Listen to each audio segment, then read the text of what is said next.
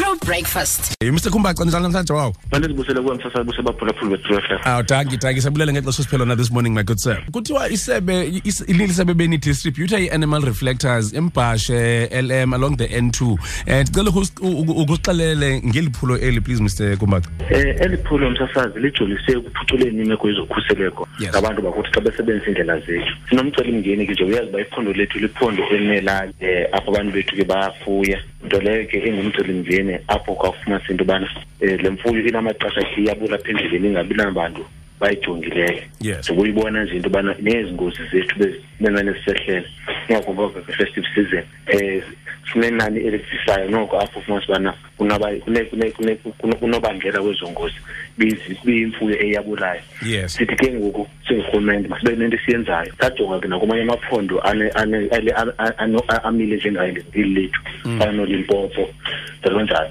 indawo esiyazi iba nazo zinalo mcelimngeni fana nalo wethu noma kukhona le innovation yale nto yala mabhanti um mm. eh, iyanceda kakhulu ke sikhona i-area rabe sesivile khona phaa kochrisani district um eh, kuyabonakala noko abantu bayancoma and nabaqhubi baxebezayo babone ubana nokunywa kumbi apha ebusuku uba mm. nokukhona imfuyo elapha endleleni enobeka ubomi bakhe emngciphekweni umntu athoba isantya azama nokuzama ukucengana naloo meko kodwa ke sithi ke ayi loo nto abantu bakuthi abafuye inkomo mabasele besonge izandla mm. sakho sisatsho sithi abantu mabazame ukuthi abathi uxanduva um eh, bajonge imfuyo yabo ngoba ibekho kumbi abantu esichengeni mm. kodwa singurhulumente nathi same into esiyenzayo kabana sinamaphulo ngoku ukuze uba sibambe le mfuyo soyigcine esigidi e-SPCA nakumbi kulo mmandla phakathi kwedimbaza uyokutsho um eh, e-alice kuyana kulapho sinengxila sinomcelimngeni weengozi ezithanda ukwesehlela ezibangelwa zimfuyo imfuyo yakula now mr khumbaca um enye yezinto endiyiqapheleyo um is that obviously um kuthi kuthiwa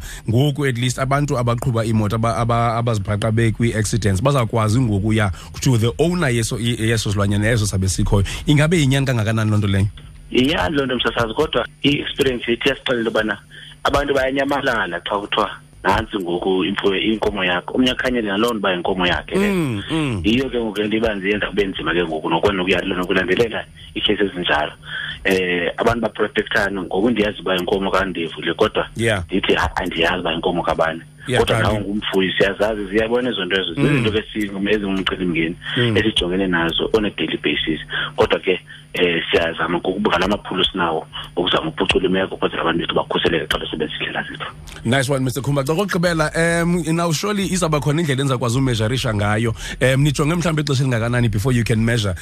izinga lokwehla kwee-accidents as a result of olu phulo eli esi sigqibo nisithathileyo um there's a continuous monitoring and evaluation yes. um kula maphulo onke njengoba ndisitsho kuwo um ngodisemba besesanomcelimngeni wale nto yemfuyo wangenelela umphathiso wezothutha umamuzwe dikayona special operations mm. focusing on r 61 usuke komani ukuyotsho emthatha kwakhona sajonga lapha ku-n two um kwaye kwathi emveni uba kokho luvelelele kwakho kwathi noko nquma ba mm. sajonga into yobana ke nangoku kweendawo sizama ungenelela kuzo ngozifana nombhashe mhlawumbi nalapho sathi sikwazi uba sibe nempela eziwubonayo